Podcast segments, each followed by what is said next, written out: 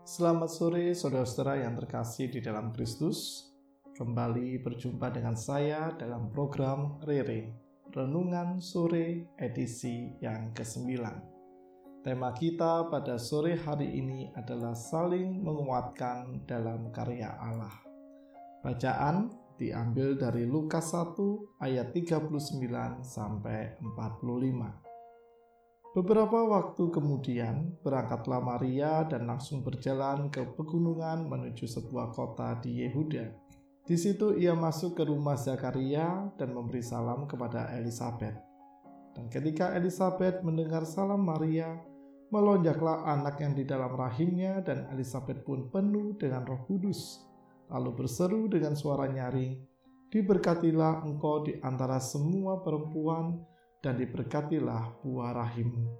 Siapakah aku ini sampai ibu Tuhanku datang mengunjungi aku? Sebab sesungguhnya ketika salammu sampai kepada telingaku, anak yang di dalam rahimku melonjak kegirangan. Dan berbahagialah ia yang telah percaya sebab apa yang dikatakan kepadanya dari Tuhan akan terlaksana. Saudara-saudara yang terkasih di dalam Kristus, perjalanan kehidupan kita sebagai umat Allah memiliki begitu banyak dinamika kehidupan. Jika kita mau membuat sebuah grafik dan menuangkan semua dinamika kehidupan dalam grafik tersebut, kita pasti tercengang. Entah kita sadari atau tidak, kita mampu berjalan dalam kehidupan hingga saat ini. Kita menerima sukacita kita menerima kebaikan, kita menerima duka, kita menerima keburukan. Semua hal kita alami dalam hidup ini. Bagaimana semua dapat terjadi? Semuanya terjadi karena karya Allah yang penuh kasih dalam kehidupan. Namun, apakah hal-hal yang bagi kita buruk dan menyedihkan juga menjadi bagian karya Allah? Apakah kita sendiri di dunia ini dalam menjalani kehidupan? Saudara-saudara, kisah Maria dan Elizabeth menolong kita semua untuk memahami apa itu karya Allah. Injil Lukas 1 membuat kita mampu berefleksi bahwa semua proses kehidupan yang kita jalani terjadi karena karya Allah.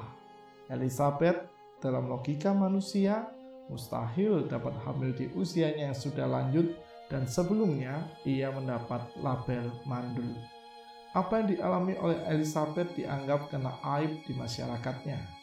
Di sisi yang lain, Maria sepupunya, kehamilannya di masa pertunangan dengan Yusuf memiliki potensi resiko stigma negatif masyarakat bagi dirinya. Namun, apa yang dialami oleh Elizabeth dan Maria tak lepas dari karya Allah dalam hidup mereka. Karya Allah melalui Roh Kudus yang memberi kesempatan besar bagi Elizabeth mengandung bayi Yohanes, sang pembuka jalan kehadiran Juru Selamat. Demikian pula Maria, seorang perempuan muda belia, mendapat kesempatan istimewa mengandung bayi Kristus, sang Mesias yang lama dinantikan oleh umat manusia dalam penderitaannya. Keduanya bukan orang terkenal di masanya. Mereka wanita-wanita sederhana yang dipakai oleh Allah mewujud nyatakan karya keselamatannya bagi manusia. Saudara-saudara, perjumpaan Maria dan Elizabeth menunjukkan kepada kita semua bahwa keduanya saling mendukung dan menguatkan dalam merespon karya Allah yang istimewa dalam kehidupannya. Kehadiran Maria menyukakan hati Elizabeth. Elizabeth bersuka hati karena dari Roh Kuduslah ia tahu bahwa Maria adalah ibunda juru selamat manusia. Maria pun mendapatkan penguatan dari Elizabeth di tengah keputusannya taat kepada kehendak Tuhan. Resiko kehamilan saat belum bersuami sungguh berat dan tidak mudah dihadapi.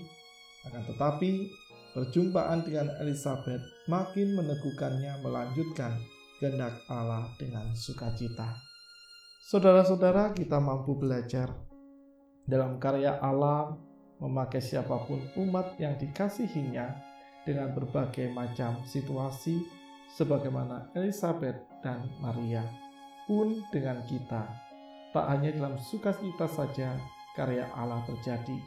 Dalam situasi-situasi yang bagi kita buruk serta menyedihkan, Allah tetap melakukan karyanya. Allah memakai kita dengan setiap situasi dalam kehidupan kita untuk menjadi bagian dari karyanya di tengah dunia. Dan kita tak pernah sendiri dalam merespon karya Allah itu. Kita memiliki sesama, keluarga, saudara seiman, sahabat, teman, orang-orang di sekitar kita untuk saling menguatkan satu sama lain. Sebagaimana Elizabeth dan Maria, kita mampu saling bergandengan tangan agar kekuatan Allah senantiasa kita rasakan untuk meneruskan karya Allah yang telah dipercayakan kepada kita dengan sukacita. Selamat hidup berkomunitas, selamat saling menguatkan satu sama lain Tuhan beserta kita.